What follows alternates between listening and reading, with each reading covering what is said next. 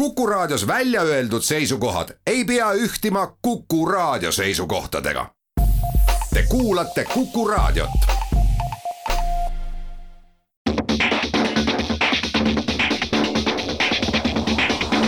autotund. see on saade sulle, kui sul pole päris ükskõik, millise autoga sa sõidad. tere kuulajad, Autotund on eetris. stuudios on praegult äh, Tarmo Tähepõld ja Martin Mets Geenius autoportaalist ja pärast saate teises pooles liitub meiega Norman Kolk, kes on äh, Wisedrive'i asutaja. mis on Wisedrive ja miks on see autojuhile väga kasulik keskkond, kuulete saate teises pooles aga täna räägime natuke kasutatud autode hinnast. ja siis me räägime sellest, et kuidas sünnivad üldse auto arvustused. siis räägime, mida politsei tegi ühe autotäie pättidest noortega. ja siis räägime natuke ka sellest, et mis värk on selle DPF mm, filtri eemaldamisega ja kas see siis muutub äh, kohe järgmisest kuust karistatavaks. ja Pärnus on läinud natukene tülinaks ja isejuhtivaid busse tuleb tegelikult Eestisse veel juurde. autotundi toetab Alexela, Alexela kodukaardiga kütus kuni miinus viis senti liitrilt. alustame siis meie sellise nädala juhtumisega, mis, äh, mida me seekord Martiniga teeme koos. jaa, meil sattus see juhuslikult kokku, et Äh, paar nädalat tagasi oli Äripäevas lugu, kuidas meil on ikkagi majanduskriis, raske olukord ja nii edasi, et äh, võeti sellised külmad kõned arendajatele, et kas saaks äh, sellest toredast majast, mis te ehitate, ikkagi arvestatava jupi alla. ja tuli välja, et sai küll. Ja sellest meil tekkis mõte, et kuidas praegu oleks, kui me küsiksime, teeksime lihtsalt kõne, et palju me saaksime kasutatud autode hinnast alla ei lähe kohale, ei tao seal auto kõrval rehvi ja ei ole nukra näoga ja räägiks, et kuidas on ikka raske ja kriis, vaid lihtsalt kõne ja kõik. valisime välja sellised kuni kaheksa kuni kümme tuhat eurot maksvad, hästi tavalised, mõistlikud autod ja, ja valisime välja müüjatest kas siis margi esindused või nagu suuremad, korralikumad kasutatud autode poed. ja me ei lähe detailidesse sellest, et kes need olid ja kus, aga ma arvan, et kõik need nimed, kellele me helistasime, on äh, autosõpradele teada-tuntud äh, kohad. jah, ja lugu oli, noh, eks midagi pidi ütlema ka, et miks meil on nüüd seda hinda kohe vaja teada, et olime kaugelt kandi mehed ja tahaks nagu ennem selle läbi, hinna läbirääkimise ka teada, et äh, kas on mõtet üldse Tallinnasse sõita autot vaatama. mis siis tulemus oli, kas autoturul on praegult väga rasked ajad? no selle järgi jääb mulje, et nagu nüüd väga raske ikkagi ei ole või oleme lihtsalt ise nii äh, kehvad äh, läbirääkijad, et me just kõige rohkem saime auto hinnast alla niiviisi külma kõnega nelisada eurot ja selline tavaline oli, et noh, paarsada saab alla, et ma ei tea, kas see on, kas see on nagu muul ajal ilmselt ka nagu üsna tehtav asi, ma eeldaks no,. minu arust ka on ja, ja noh, võib-olla on asi selles, et tõesti, me valisime nüüd välja neid ametlikke kohti, kus noh, ühes kohas ühe auto kohta mulle öeldigi telefonis kohe, et ei, et see ongi fikseeritud hind, et, et isegi kui sa kohale tuled, ega siin auto kõrval ka ei ole midagi nagu kaubelda, et kõik on nii, nagu kuulutuses kirjas, et mis iganes, võib-olla nad siis, ongi selline äriplaan, et nad ei mängi seda nagu pigem era, eramüüjad mängivad seda mängu noh, pokker või nagu, nagu turg, et mm. paned mingi hinnaga ülesse, eeldad, et tegelikult oled nõus juba tuhat alla andma, ostja hakkab, helistab Äh, arvab, et no sealt kauplen raudselt kaks tuhat alla ja noh, selline teate, turu, turu kauplemine.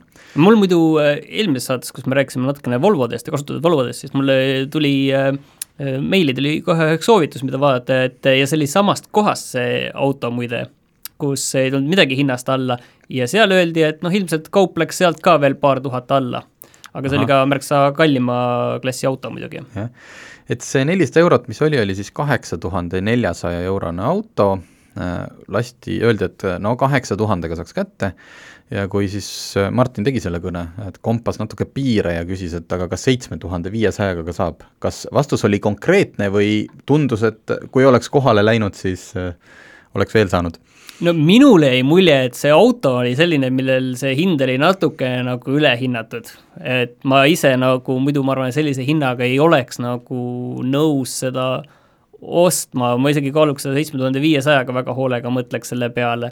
aga pigem tundus, et kõne järgi nagu mitte, öeldi, et ikka tuhandet alla ei tee ja kõik jah, et meie hüpotees, miks me seda nagu tegema hakkame, see oligi pigem see, et mitte nüüd kõik oleks tohutult käpuli omadega, et me, me loomulikult me ei tahagi, et niisugune asi juhtuks, vaid pigem see, et eks siin, kuna see kriis tuli nii äkki peale, et äkki on käibevahendite, mille iganes jaoks vaja laoseisu lihtsalt vähendada, et sul ei oleks sellised tohutud platsitäied autosid, mille all raha kinni on, aga tundub, et vähemalt telefoni teel hetkel suuri allahindlusi ei saa.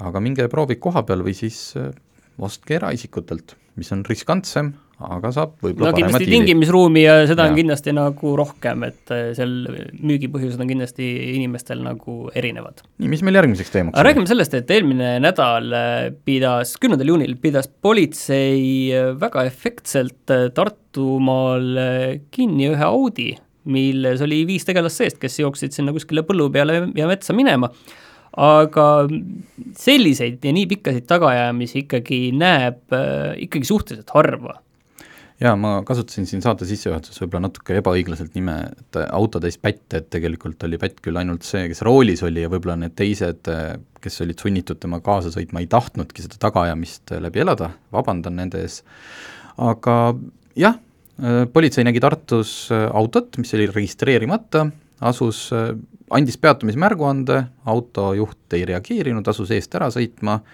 Tartu kesklinnast Võru suunas ja siis kõrvalteedele ja politsei pardakaamerast on video, kuidas siis äh, Audi sõidab mööda ühte kruusateed ja ette on pargitud äh, politseibuss, äh, Mercedes oma, ja sellel hetkel, kui Audi üritab selle bussist ikkagi noh, natuke tee perve pealt mööda minna, siis politseibuss lihtsalt liigub umbes ühe meetri edasi ja lükkab selle auto mm. väga sujuvalt, ma, ma eeldan, et seal oli ikkagi politseil aega hinnata mm, -hmm. kuidas seda olukorda lahendada, et väga sujuvalt lükati see auto põhimõtteliselt teelt välja, seal oli heinamaa, mingit selles mõttes üle kaela käimist ei ole ja siis, kui need uksed lahti lendasid ja riburada pidi mehi hakkas metsa jooksma, siis aga siin nagu tasub tähele panna seda, et kui vaadata seda videot, siis tegelikult linna vahel võttis politsei päris rahulikult. et ei olnud seda, et iga vi-, viimase kui veretilgani peab tal olema seal sumpsis kinni ja et ikka pressiks ta kuskil kohe siinsamas, vaid väga rahulikult sõideti see see auto juhatati linnast välja ja siis kuskil väga kõrvalises kohas äh, lükati maha. et selles mõttes, et tundus nagu väga profilt tehtud. jah, äh, ilmselt oli ka näha, et see, noh, see auto väga suurt kiirust sisse lõpuks ei suuda saada ja, ja täpselt linnas tal ei ole võimalik nagu väga ära kaduda mm., patrulle on palju, et sa saad anda üle järgmisele, juhul kui jääd kuskile toppama, et äh, noh, oli õpetlik ja mida juht siis ütles, miks ta eest ära sõitis, sõitis ära sellepärast, et tal oli rikkumisi all ja ta kartis trellide taha sattumist no see Pärast... oleks tähendab, nojah, tahaks öelda, et jah, et peaks varem mõtlema. aga kuule, räägi nüüd ruttu ära see lugu, et ähm, kas siis, äh, mida meil ka siin kindlasti kohalikud influencer'id peaksid hästi teadma, et kas äh, nüüd esimesest juulist muutub T-, TPF-filtri eemaldamine ja kiibituuning karistatavaks? jaa, see seaduse säte pidi jõustuma, mis äh, kui sa TPF-filtri lased töökojas välja lõigata, et tihti seda ülevaatusel ei ole aru saada, kui just äh, ülevaatuse mees ei ole nii tark, et oskab seda vaadata, et näidud võivad isegi olla normide piires, aga oli plaanis, et see muutub karistatavaks, äh, mitte küll inimesele, kes seda, kes selle autoga sõidab, vaid töökojale, kes seda tööd sooritab. ehk siis ei saa enam pakkuda teenust, äh, mis puudutab TPF-filtri eemaldamist sinna alla oleks käinud ka kiibituuning ja selgituseks see, et see rikub tehase poolt ette nähtud eh, heitmenorme, aga see seadusemuudatus on praegult taaskord mingi suurema paketi sees ja see on, selle vastuvõtmine on edasi lükatud, Maanteeamet ei osanud öelda, millal see võiks lõpuks seaduseks vormuda, nii et palun, ärge eemaldage oma DPF-filtreid, aga esimesest juulist see veel karistuse alla ei lähe. ma lihtsalt kiirelt lisan, et minu meelest võiks ikka endale autoga teha ükskõik mida, aga aga kas sa sellega sõita võid kuskil, see on juba teine asi, et no jah, kui ma tahan läksid... sellega sõita kuskil äh, omaette üksinda põllu peal, siis andku Ei. minna. Äh, need äh, heitmed lähevad ikkagi meie kõigi taevasse oh,. no okei okay,, okei okay.. nii, teeme väikse pausi ja siis oleme tagasi.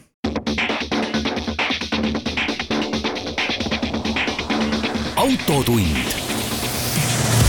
see on saade sulle, kui sul pole päris ükskõik, millise autoga sa sõidad autotund tagasi äh, oma saate teise plokiga, äh, millest räägime? räägime näiteks Audru ringrajast. räägi nüüd see lugu ära, et mina olen igal pool äh, kerib juba nädalaid ja nädalaid see lugu, et Audrus on ringrada ja selle ümber elavad inimesed ei ole absoluutselt rahul sellega, et uskumatu, seal ringrajal sõidavad autod. ja teevad müra jaa, see on üks probleem, mis on tegelikult õhus olnud aastaid, kaks tuhat kaksteist lõppes raja rekonstrueerimine, tegelikult on ju seal olnud rada juba üheksakümnendate algusest. Ja tegelikult veel on nii-öelda Sauga äh, kolmnurgas sõidetud äh, juba noh, kuidas ma ütlen, Pätsu ajal, äh, siis lihtsalt kasutati avalikke teid, need suleti ja muudeti võidusõidurajaks, et see ringrada ei ole ju sinna tekkinud aastal kaks tuhat kaksteist, aga juba kahe tuhande neljateistkümnendal aastal oli seal probleem, et et väidetavalt on kohalike arust müra liiga palju. nüüd on algatatud taas allkirjade kogumine petitsioon.ee keskkonnas kus siis kohalikud nõuavad müra, saage aru, noh, müra vähendamist. aga mis see siis tähendab, kas mingite tõkete, muldvallide või ükskõik mis asjade äh, ehitamist petitsioonis või? ei ole seda kirjas ja kui ma küsisin sellelt äh, MTÜ-lt, oli, kes selle, kes selle taga on, mis esindab siis äh, oma sõnul kohalikke elanikke, vastus oli hästi lakooniline, et äh, nad ei, nad ei nõua ringraja sulgemist, nad nõuavad müra vähendamist. aga kõikides muudes küsim- äh,, täpsustustes äh, peaksin ma küsima linnavalitsuselt. küsisin siis Pärnu linnavalitsuselt äh,, mis seis sellega on ja Pärnu linnavalitsus väidab, et, äh, et on, et see rada ei vasta päriselt detailplaneeringule, tuleb ehitada müratõkkeid juurde, müranormid lähedal asuvate elamute juures ei ole olnud päris korrektsed, et tegelikult on ringrada nüüd teinud seal mingeid äh, muudatusi, aga lihtsalt ei ole tehtud uusi mõõtmisi. et sellepärast on see hetkel nii-öelda protsess veel pooleli. ja kui siis äh, kaasame, kaasasin kolmanda osapoole ehk siis ringraja, et ta seda asja natuke selgitaks, siis Andres Hall, kes on äh, selle asja juht olnud alates noh, algusest peale, kui see rekonstrueerimine algas, ütles, et siin on nii palju segast ja, ja kummalist infot, et äh, noh, meil jätkus juttu pi-, pikemaks. üks äh, suur probleem on see, et vahepeal toimus meil haldusreform, mis tähendab, et äh, rada Andres Halli sõnul vastab täielikult detailplaneeringule, müratõkked vastavad detailplaneeringule, mis koostati Audru valla alt. Siis liikus Audru vald Pärnu linna alla ja hakati millegipärast nõudma juurde asju. kas Pärnu linnal on siis mingid teised nõuded ja standardid? vot äh, sellest ma täpselt aru ei saanud, aga Andres Hall on enda sõnul ka need asjad ellu viinud, et iga aasta on nad vabatahtlikult ise seal suurendanud igasuguseid müratõkkeid, on karmistanud pidevalt, äh, ega seal ringrajal sõites on autol ka müranorm, et see, et sa oled ringrajal, isegi kui sa sõidutad selle auto treileriga kohale, millel ei ole ju noh, ütleme võidusõiduautodel mm. ei ole ülevaatust ja siis on ikkagi oma normid, mis rajasõiduks mm. peavad vastama ja kui need on liiga kõrged, siis sind rajale ei lasta et väidetavalt on ka neid kogu aeg karmistatud, lisaks ütles Andres Hall, et rada võiks seaduse järgi olla ju avatud kell seitse hommikul kuni kakskümmend kolm õhtul, mis on see aeg, mis ei ole öörahu. ja nad ise on pannud selle tegelikult, et kell kümme kuni kaheksa õhtul on rada avatud, ühesõnaga väidetav, noh, ühesõnaga Andres Halli arust on kõik tehtud nii reeglitepäraselt kui võimalik, pluss veel lisaks vastu tuldud. aga on nüüd aru saada, aga mis saab nüüd edasi, et mis või kas üldse saab midagi edasi? seal on veel, lisaks seal on veel probleem selles, et kuidas neid müratasemeid arvestatakse, et ringraja aru, noh, sõnul on see mõõtmismeetodid sellised, ühesõnaga ühegi mõõtmise järgi ei ole nad tegelikult ületanud norme kuigi linn seda väidab no,. lihtsalt seal kasutatakse on, erinevaid lähenemisi. üks asi on ametlik norm ja teine asi on siis see, et mida enam-vähem sa emotsionaalselt enda kõrvaga seal kuskil tajud, ma kujutan ette. ei, seal on äh,, kas on koondmüra, ehk siis terve päeva jooksul mm, mõõdetud ah, okay. mingi foon või siis hetkeline, et kui see, ma ei tea, konkreetne auto läheb majast mööda, aga isegi sellised äh, kohad, mis need üle normi olid, me räägime seal mingist, minu arust oli komakohtade null koma viis detsibelli rohkem. Äh, no praegult äh, petitsioon allkirjade kogumine käib, käib ka ringraja toetuseks, Pärnu linna vastus oli, et loomulikult tuleks mõlemad osapooled saada nüüd ikkagi ühise laua taha, aga, aga ka Pärnu linn näeb, et seal on hetkel see seis nii nugade peal, et nad ei kujuta ka noh, jah, peab kokku saama, aga et mis sellest saab, et mõlemad pooled on ennast ära barrikadeerunud ja ühesõnaga, ma arvan, et see jama kestab seal veel kaua. me jääme siis ootama, et mis seal siis saab ja kuidas see asi ühel päeval laheneb.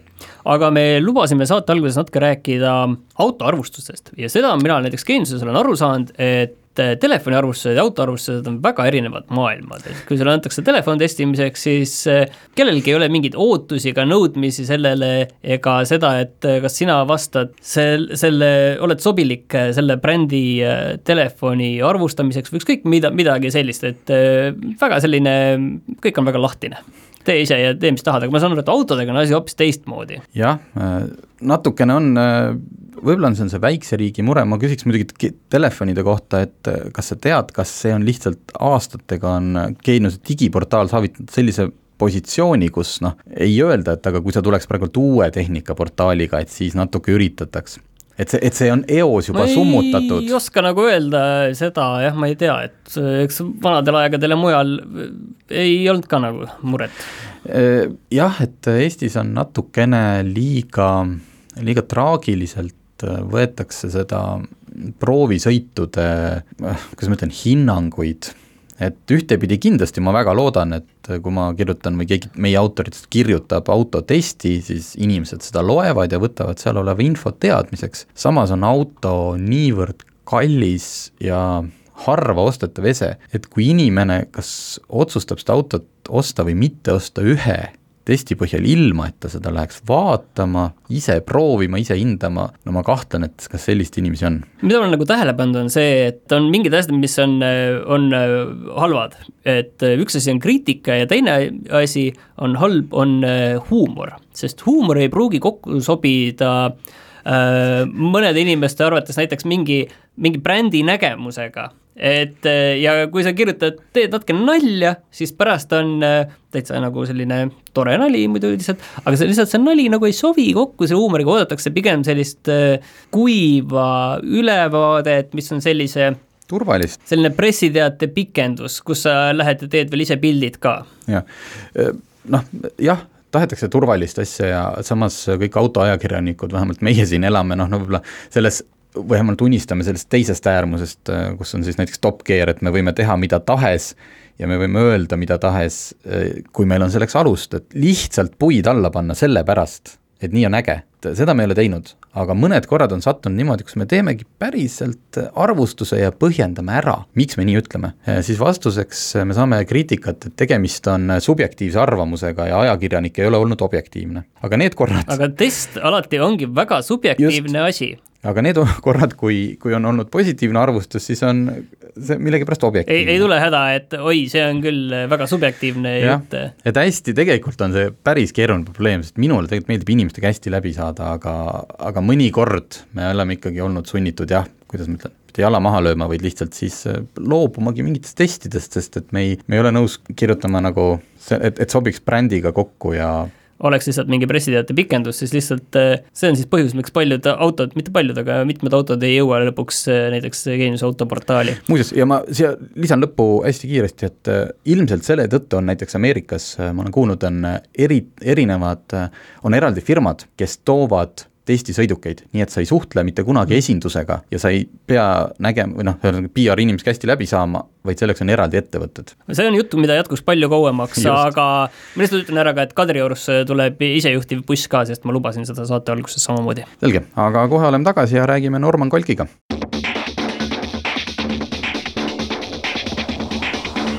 autotund see on saade sulle, kui sul pole päris ükskõik, millise autoga sa sõidad. autotund on tagasi eetris ja nüüd on meil stuudiosse tulnud külaline. külaliseks on Norman Kolk, kes on Wise Drive nimelise keskkonna asutaja. ma ei hakka ise siin sissejuhatust tegema, las Norman ise räägib, mis asi on Wise Drive? kuidas te liftis tutvustate ennast ja. suurele investorile? ja kõigepealt tere, Tarmo, tere, Martin, tänud vastu võtmast. Wisedrive siis äh, on keskkond, mis aitab siis kokku viia autoomanikud, kes soovivad autole hooldust või remonti ja siis teiselt poolt äh, töökohad, kes siis äh, nii-öelda nendele päringutele pakkumisi saavad teha. see siis peaks vabastama, nagu ma saan aru, inimese sellest, et mul on siin vaja mm, mootori rihma vahetada ja siis ma lähen töökotta X siis saan sealt mingi numbri mm, -hmm. siis ma lähen töökotta Y, nemad annavad ühe numbri, siis ma mõtlen, mõtlen, et äkki saan kuskilt veel odavamalt ja siis käin vaatan veel läbi, et kogu selle protsessi, ma saan aru, te peaksite siis äh, lihtsaks tegema? täna me jah, nii-öelda alustame siis selle hoolduse ja remondi poole pealt, et äh, seda lihtsustada, et see, kuidas see nii-öelda kuidas me selle ideeni jõudsime, oli puhtalt minu enda vajadusest, et äh, vahetasin auto marki ja oli vaja teha suur hooldus. Ja samamoodi ma hakkasin guugeldama, möllama, et otsida nii-öelda üles need õiged nii-öelda siis töökojad, kuskil mingit infot töökoja kohta pole, et kas ta on nagu hea, usaldusväärne, kuidas ta tööd teeb, kas ta teeb õigeid asju. ja noh, võttis päris palju aega ja ise nii-öelda no, autoentusiastina arvasin, et nagu leian õige üles, aga aga see ei olnud üldse nii lihtne ja siis nii-öelda teise co-founder'i Keviniga nii-öelda istusime maha ja hakkasime seda asja nii-öelda nagu Excelisse lööma ja paika panema, et ja siis täna oleme jõudnud siia ma saan aru, et hoolduste juures tegelikult on see probleem päris suur, et see, et kas sa käid äh, ühte hooldust äh, noh, mis seal ongi võib-olla lihtne õlivahetus ja paar filtrit ja midagi sellist, et äh, käid tegemas kuskil margiesinduses või tegelikult väga viisakas äh, kohas, kus seda tehakse võib-olla isegi poole odavamalt või kui suured need hinnakäärid sul olla võivad? no tegelikult äh, need hinnakäärid ei ole väga suured, et kui võtta nüüd ütleme, see meie sihtgrupp, mis on viis pluss aastat vanad autod, et seal tegelikult on juba esindustel ka väga suured allahindlused, et tööde pealt seal miinus kakskümmend viis, kolmkümmend prossa, seal varuosade pealt samamoodi, on ju et lihtsalt paljud inimesed võib-olla ei julge, kes on kasutatud autoomanikud, ei julge isegi esindusest hinnapakkumist võtta, aga tegelikult on ka meie keskkonnas nii-öelda esindused esindatud ja nad saavad äh, näha, et tegelikult need käärid ei pruugi olla suured, et võib-olla mõnikümmend äh, eurot, on ju, et äh, aga asukoht on esinduse poolel näiteks mugavam või noh, mis iganes see mm -hmm. valik siis on. Kui palju teil neid töökodasid praegu seal taga on, et kui ma nüüd paneksin täna, ma tegelikult juba tegin seda mm, -hmm. aga kui ma nüüd paneksin täna sinna endale või panen täna endal sinna äh, mingi remonditööle pakkumise ülesse, siis äh, kes need on, kas seal on taga on kolm töökoda mm, -hmm. on seal kolmkümmend või kuidas see on Meil praegu? täna on liidetud äh, keskkonnaga kakskümmend neli töökoda et äh, olenevalt siis äh, margist äh, me siis filtreerime välja, et kui sul on näiteks BMW, siis me Audi esindustele ei saada seda või Audi, ütleme, töökodadele, et aga ütleme, circa selliste noh, ütleme, võtamegi näiteks Audi või BMW, et siis kuskil niisugune kümme töökoda ikka teevad sulle pakkumist mm. -hmm. ja need kakskümmend neli, kas pigem margiesindused või need on sellised iseseisvad töökohad? no ütleme nii, et suurem lõviosa on täna ikkagi iseseisvad, aga meil on ka margiesindusi. ja kui raske sellises ähm, väga nagu mugavas sektoris, mis on aastakümneid toiminud mm, -hmm. on saada neid äh, sinna taha, et noh, et äh, nüüd on meil see keskkond, liituge, hakake arvutiga mm -hmm. tegelema, peate väga konkreetselt ju läbi mõtlema mm, -hmm. mida te sinna pakute nojah, see idee tekkis tegelikult äh, isegi üle kahe aasta tagasi, et me oleme seda põrgatanud siin päris pikalt ja jõudnud nagu väga sellise enda arust nagu hea tooteni, et äh, eks ikka töökojad on äh, esialgu kahtleval seisukohal, kui sa helistad neile ütled, et meil on, teeme sellist asja õnneks väga palju on tulnud meil läbi soovituste, et me oleme saanud äh, nii-öelda jala ukse vahele, aga kui me juba kohapeal oleme, näitame oma nii-öelda seda olemasolevat asja, siis äh, see protsess ei ole olnud väga keeruline pigem on esindustes keeruline, sest seal on rohkem bürokraatiat, see peab mitme laua tagant läbi käima, otsustamine võtab kauem aega. kui te läksite nende autofirmade juurde, kas neile see mõte meeldis, pidi neid veenma või, või te lahendate tegelikult ka nende probleemi ära? jaa, neile meeldis, ütleme niisugusele üheksakümne kaheksale protsendile meeldis, paar, paar, paarist kohast saime nagu sellise eitava vastuse, aga see oli pigem juba telefoni teel. et isegi ei, ei võetud nii-öelda laua taha, aga, aga ei, neile muidugi meeldib, sest nad näevad ka seda probleemi, eriti just need, kes teevad hästi. ja, ja me kindlasti suudame nagu pakkuda lisandväärtust ka esindustele ja iseseisvatele. nii, mina tegelikult äh, täna panin sinna üles ühe remondi äh, pakkumise, et oleks vaja üks parkimisandur välja vahetada. oletame nüüd, et seal äh, ma saan ühe mm, töökoja või mitu töökoda, valin seal välja endale sobi-, noh, mis on mul kõige lähemal või muidu mugav ja kes saab kõige varem selle ette võtta ja ilmselt ma arvan, et seal see hind ei olegi nii oluline nüüd, aga kuidas nüüd sel hetkel see arveldamine hakkab käima, kui ma lähen sinna kohale, tehakse töö ära, et kuidas see käib?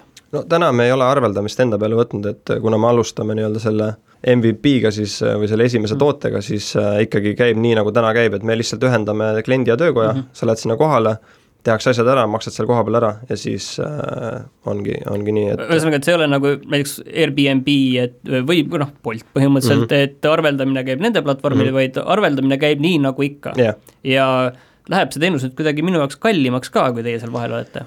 kliendi jaoks ei muutu kallimaks, et äh, töökoda on see, kes maksab siis meile äh, nii-öelda toodud kliendist siis või võidetud kliendist oma tasu et äh, autoomanikule on see täiesti tasuta, et seal noh, meil, meil on palju nii-öelda funktsionaalsusi, mida me tahame siin lähiajal lisada, et sinna hulka kuulub ka see makselahendus, aga see on juba nii-öelda niisugune lähitulevik, et, et vaatame jooksvalt. Äh, panin ka mina täna hommikul äh, pakkumise üles, mul on märksa suurem töö, mul on võrdlemisi haruldase margil vaja vahetada mootoririhm. suur töö, tean, et päris kallis.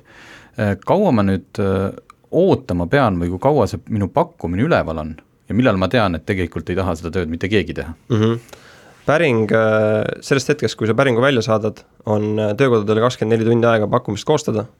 me oleme näinud praktikas, et see tegelikult juhtub äh, mõne tunni jooksul, esindustes see on isegi niisugune minutite küsimus, et viisteist minutit kuni pool tundi osades esindustes ja sellel hetkel, kui pakkumised sulle ära saadetakse, siis sul on põhimõtteliselt kokku aega nelikümmend kaheksa tundi nii-öelda otsustada, et kui sul päring läks välja, töökoda tegi tunni aega pakkumise, siis on kakskümmend kolm tundi järgi, pluss siis see kakskümmend neli, mis sulle juurde läheb mm, -hmm. ehk mhm. siis nelikümmend seitse tundi on sul aega otsustada ja kui sa ei otsusta, siis need aeguvad ära, töökojad saavad teate, et inimene noh, ei valinud, aga samas sulle jääb see pakkumine üles sinna kuuks ajaks ja siis sa saad äh, hiljem, kui sa nagu tahadki minna juba, siis saad uue aja näiteks küsida. aga kui ma selle pakkumise vastu võtan, mulle mõni nüüd sobib mm, -hmm. kas siis tekib kohe ka graafik või siis ma pean ikkagi juba helistama ja leidma omale aja? ei, nad äh, pakuvad sulle nad, nad teevad sulle pakkumise koos potentsiaalsete aegadega, ehk siis see, kui sa valid päringust näiteks, et sa tahad minna esimesel võimalusel, sul on väga kiire sellega, ta pakub sulle ülehomme kella üheksaks aja, siis sa saad selle valida. Äh, kui palju geograafiliselt, kui palju neist kahekümne neljast on hetkel Tallinn, kui palju Tartu, muu Eesti?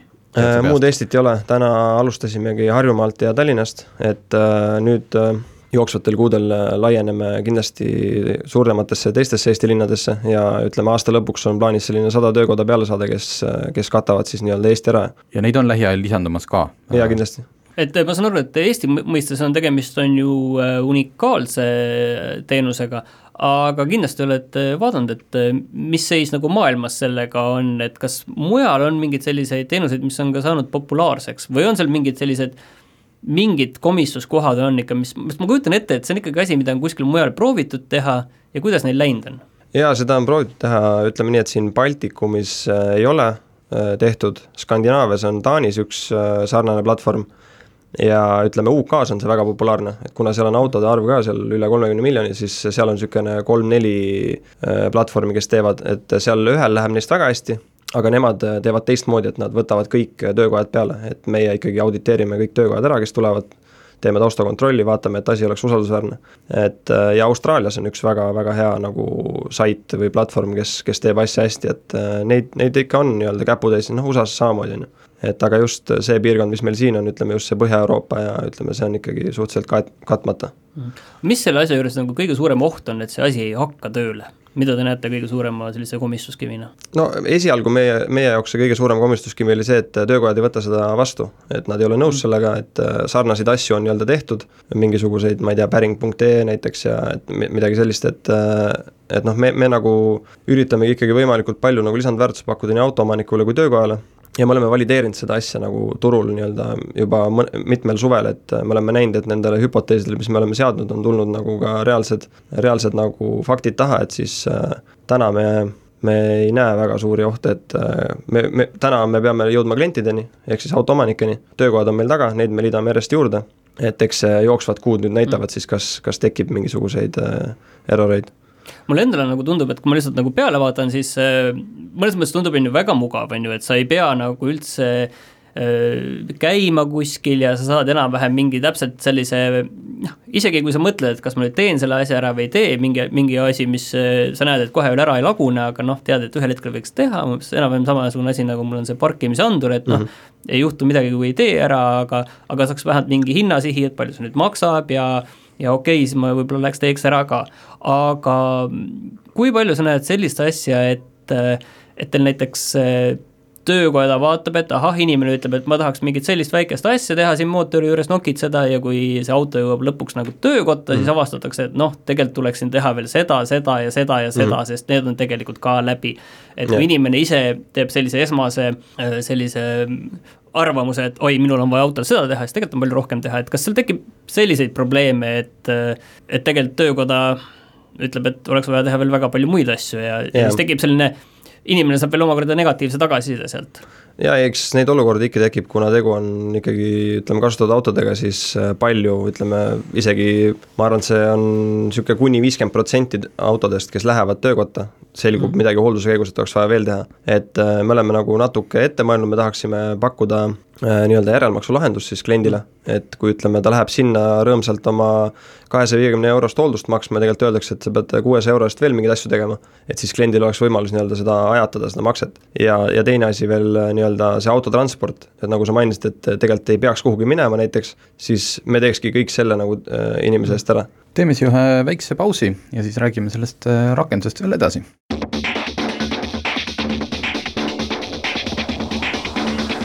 autotund. see on saade sulle, kui sul pole päris ükskõik, millise autoga sa sõidad stuudios on äh, Norman Kolk, kes räägib Wisedrive nimelisest keskkonnast äh, sa, aadressil wisedrive.ee. sa jäid äh, väga huvitava koha peal pooleli enne pausi, et, et inimene võib-olla ei peakski ise midagi tegema, et siin tegelikult mul tuli meelde kohe kaks stsenaariumit, üks ongi see, et et mul auto on siin, võtke palun ja viige see ära ja tooge samasse kohta tagasi, teine asi on see, et äh, mul auto on siin tee ääres, et sellise tee äärse asjaga ma saan aru, te ikka ei tegele. Täna ei tegele, aga kindlasti see on jällegi üks, üks asi, millega me noh, ütleme nii, et suur visioon või suurem eesmärk ongi see, et kui kliendil midagi autoga on või mida iganes ta tahab autoga seonduvalt, siis äh, seda ta saabki nii-öelda Wisedrive'ist, et mm.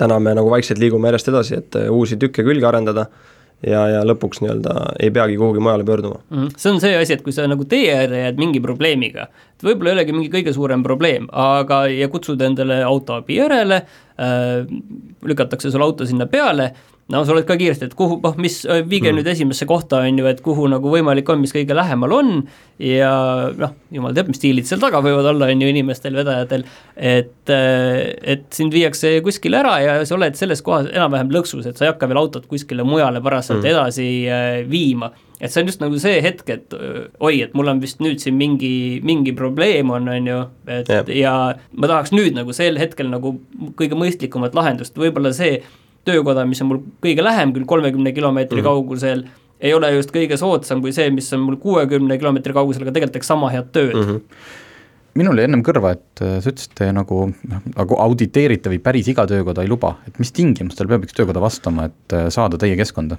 noh, seal on erinevad tingimused, ütleme taustakontrollilt siis on, on see, et me kontrollime, kas äh, esineb maksehäireid küsime, et äh, mil, mis põhjusel, et ütleme, kui töökoda muidu vastab tingimustele, aga on paar mingisugust äh, võlga üleval, laseme need, äh, palume ära likvideerida, vaatame palgamaksud üle, siis, siis juba lähme koha peale nii-öelda auditeerima, et kuna meil on nii-öelda Amteliga väike koostöö, siis Amtelil on keretööde poolt väga korralik nagu auditeerimisprotsess, et me oleme lihtsalt seda natuke kohendanud oma nii-öelda hoolduse ja remondi poolele et seal ongi noh, niisugused väiksed asjad, et sul on tuletõrje väljapääs, sul on noh, tõstukid hooldatud, sul näeb töökoda viisakas välja, ütleme, sul on seal võimalus, et inimene saab seal näiteks aega veeta, noh, mingid sellised väiksed asjad, et, et äh, lõpuks, lõpuks siis oleks see, see keskkond ikkagi nagu usaldusväärne, kvaliteetne, et need töökojad vastaksid nagu meie nõuetele. Ma just mõtlen, et äh, sealt, et kui tekib mingi jama, siis sealt edasi on ju ilmselt tavaline tarbijakaitse juhtum et noh, et kui näiteks ma lähen mõnevõrra haruldamise autoga või ma saan sealt tagasi ja midagi juhtub, et siis Wisedrive on lihtsalt vahenduskeskkond, et ja. teie seal ju mingit äh, vastutust sellest, et Ja, no vastutus vist tekib teataval määral nagu sel hetkel, kui ka raha liiguks läbi teie mm -hmm, platvormi, et siis hakkab just. vist vastutus nagu mängima teistsugust rolli. mitu töökoda te umbes olete läbi käinud praegult? Mul on see küsimusel mõte ka, ma lihtsalt kohe jaa, no täna meil on kakskümmend neli töökoda platvormil, aga meil on äh, ütleme, käidud äh, ma ei oska sulle täpset numbrit nüüd öelda, üle kolmekümne okay. on, ütleme. lihtsalt mõtlesin see, et äh, sa noh, ilmselgelt tead, sa ütlesid, et oled autodest huvitatud, entusiast, et mis seisus on üldse Eesti sellised töökojad, et kas sa oled sattunud ka ikka päris sellistesse noh, garaažidesse, kuhu sa eales ei julgeks oma autot viia? Meil oli olukord, kus me nii-öelda võtsime ette erinevaid töökodasid, helistasime, ütlesime, et tuleme kohale, vaatasime, et maksud on makstud, palgad on korralikud, jõudsime kohale, noh, seal olid niisugused poolemeetrised löökaugud sisse sõites töökoja noh, väljast, see ei kannatanud mingit kriitikat. Ja me otsustasimegi, et me ei hakka isegi nagu vaeva nägema, et sellist, sellist kohta me ei taha enda keskkonda aga ülejäänud, ütleme need, kes meil täna on seal pardal, on ikkagi viisakad äh, kohad. nagu me oleme ka aru saanud, on Eestis ikkagi nii-öelda paar tuhat töökoda. ma just tahtsin, vot see oligi mu järgmine küsimus, et kui palju on Eestis üldse autotöökodasid või kas te võtate ka näiteks seda, et kui ma tahan äh, mingit rehvitööd, et ongi eraldi rehvifirmad, mis tegelikult ju muid asju ei tee, Äh, meil täna seda lahendust ei ole, et me oleme ikkagi fokusseerinud oma nii-öelda äri täna nagu remondile ja hooldusele. et äh, kindlasti, kui sa seal paned lisakommentaaridesse, et sa soovid rehvivahetust ja autopesu ka, siis enamus töökojad saavad sulle seda pakkuda. aga, aga jah, rääkides nendest töökodadest, kes siis nii-öelda Eestis täna on, enamik neist on siis niisugused põlve otsas tegijad mõned on veel mingid FIE-d, kellel polegi ütleme, võib-olla mingit ettevõtet, makse nad ei maksa, on ju, teevad seal äh, ma ei tea, kümne eurot, kümme eurot tunnis teevad tööd, kliendid lähevad sinna, saavad väga halba nii-öelda teenindust ja hiljem lõpuks lähevad ikkagi kvaliteetsesse kohta, kus nad peavad maksma rohkem, sest on tehtud liiga halvasti. Mhm. tahtsin küsida veel selle kohta ka, et ma praegu seda teil keskkonnas ei näe, aga ilmselt sellepärast, et mul ei ole küll ühtegi pakkumist tulnud mm, -hmm. aga et kas seal tekib ka selline, saab tagasisidet anda nendele töökodadele? jaa, see tagasiside andmine kindlasti on üks äh, väärtuspakkumine töökodadele, et äh, täna ütleme, kui sa võtad oma, viid oma auto hooldusse kuhugi või, või üldse ei viigi näiteks autot hooldusesse, sa saad lihtsalt täna hinnata Google'is äh, suvalise töökoja nii-öelda teenuse kvaliteeti, et ilma isegi seal kohapeal käimata. meie keskkonnas tekib see aus hinnast äh, nii-öelda hinnangute andmine siis läbi selle, et kui klient on töökojas ära käinud, ära maksnud, siis tekib võimalus töökoda hinnata mm. -hmm. mitte lihtsalt äh, sisetunde jaoks, jaoks yeah see, kes jalutas näiteks sellest töökojast mööda, vaid see on enam see, nagu Amazonis on näha, et see klient on ka tegelikult selle asja tellinud ja, ja selle asja saanud ja vastavalt sellele on siis kas positiivse või negatiivse tagasiside. Jah, sest täna ütleme, Google või Facebook ei pruugi anda sulle seda täit tõde nii-öelda, et seal keegi on ostnud sisse neid hinnanguid konkureeriv konkur töökohal ja täpselt, on pannud ühe tärni, et, et äh, see on, see on täna jah ikkagi paigast ära. kuidas te just seda konkurentide asja nüüd, äh, ma mõtlen, et üks autofirma mõtled, ma pakun siin ka rihmavahetust, aga hakkaks vaatama, et äh, mis teiste ettevõtete hinnad on Mm -hmm. kas on sellist asja ka juba juhtunud? täna veel ei ole, aga noh, me oleme nii-öelda töökodades käinud ka ja rääkinud, et äh, üritame võimalikult vähe müra tekitada, äh, eks kindlasti tekib neid töökodasid, kes äh, üritavad näha oma konkurentide hindasid, aga eks me ise monitoorime taustal kõike seda ja me näeme, et kui kui liigselt tehakse mingit sellist nii-öelda kalastamist, siis, siis me hoiatame ja mingil hetkel siis enam ei luba nii-öelda platvormile. ma pakun, et need suuremad töökojad, et eks nad päris hästi teavad, et kus nende hinnatase tegelikult on yeah. võrreldes teistega, et eks nad on päris hästi kursis ja nendel sel, ju siis nad arvavad, et sellel hinnal on mingi põhjus olemas ja mingi väärtuspakkumine taga, et miks need sellised äh, on. no ideaalis võiks see ju klient, kliendi jaoks praegult ikka hindu alla tuua, kui on selline niinimetatud hankekeskkond. et mitte lihtsalt, et sa helistad ja, ja räägid. aga kui laiemalt võtta, et nüüd teil on äh, see läks laivi millal, reedel? reedel, jah. reedel, ega ei tea veel, palju on saadetud sinna on saadetud üle kahekümne päringu. okei okay., aga edasi, et kas muutudes korraks Restardi sarnaseks saateks, et on teil ka juba mingid raha tõstmisplaanid, are-, laienemised, otsite te töötajaid? Soome turg sest et Soomes ma tean, käi-, käivad eriti selliste kallimate jobiautode inimesed käivad tegelikult Eestis äh, töid tegemas. ja mitte isegi ainult kallimate hobiautod, aga tavalised, ütleme Audi või noh, vaakgrupi omanikud, kes ma tean, et käivad äh, ka samamoodi Eestis äh, autosid hooldamas. aga jaa, kindlasti, selles mõttes, et kuna ikkagi tegu on nii-öelda iduettevõttega, siis, siis me kaasame raha. Ja, ja nüüd ongi, meil on ilmselt siin augustis üks väiksem nii-öelda tõstmisring ja siis järgmise aasta esimese kvartali lõpus oleks siis suurem, siis kui me tahame juba nii-öelda minna äpi teed ja teha seda asja veel mugavamaks kliendile. aga laienemine välismaale? jaa, laienemine kindlasti, et kuna meil on tugev nii-öelda mentorlus taga, siis äh, on mehed, kes on pikalt nii Skandinaavias kui Baltikumis toimetanud, et seal me peamegi nüüd äh, natuke turu-uuringut tegema, aga ilmselt potentsiaalsed turud ongi järgmisena kas, kas Rootsi või Soome saan aru jah, et idufirma, eks ju, step by step, sammhaaval yeah., et äh, üks, mis ma näen, siia mahuks ju tegelikult ka veel kindlustused vahele. et äh, kes saaksid ise teada ilmselt mugavamalt, kui palju mingi auto parandamine maksma läheb ja, ja inimene saaks ka ise kohe otsekindlustusega suhelda. jaa, et äh, meil on suured plaanid, aga et ühesõnaga, me tegelikult teises etapis, kui me suuremat ringi tõstma hakkame, siis meil on plaanis tegelikult äh, arendada välja nii-öelda digitaalse kahjukäsitluse nii-öelda selline äh, jupp siis, kus siis ongi, et kui kliendil midagi juhtub, siis ta saab seda nii-öelda juba telefoniga teha ja, ja ja need, kes siis on nii-öelda tema kindlustus ettevõtte partnerid saavad talle hinnapakkumise teha ja siis ta juba sealt valib välja, kelle juurde ta minna tahab ja, ja, ja millal. mäletan seda, kui ükskord mul auto oli tee äärde pargitud ja siis lihtsalt üks äh, parempoolne uks sõideti sisse keset ööd ja siis pärast sellega käisin kindlustuses ja viisin esindusse kuskil ja siis mäletan, kuidas see kahjukäsitlusega oli, kahjukäsitlejaga olime seal auto kõrval ja ja siis äh, töökoda ja kahjukäsitleja olid seal koos. no see, paneme selle tuhat, krooni aeg oli, paneme selle tuhat, võtame selle kolm tuhat mm -hmm. see nii, et noh, see selles mõttes, et see mind ei puudutanud, selles mõttes, et ma ei maksnud seda ise on ju yeah. kinni, aga see, et kuidas see asi seal käis, see oli nagu väga mm -hmm. naljakas nagu kõrvalt vaadata, et no paneme siis, lepime siia kokku siis mingi viisteist tuhat umbes mm, -hmm. mingi selline naljakas lehmakauplemine nii, aga saateaeg on meil läbi, kes tahab ise proovida, asi on üleval, wisedrive.ee proovisin, väga lihtne on, sisestad põhimõtteliselt autonumbri ja seda, mis sul teha on vaja ja jääd ootama, kahekümne nelja tunni jooksul peaks tulema vastused, eks me järgmine nädal siis Martiniga saame, saame öelda, mis pakkumisi saime. olgu, aitäh, Norman, et tulid ja aitäh teile! kohtume järgmine nädal!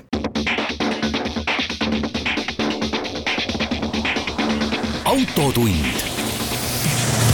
see on saade sulle, kui sul pole päris ükskõik, millise autoga sa sõidad autotundi toetab Alexela. Alexela kodukaardiga kütus kuni miinus viis senti liitrilt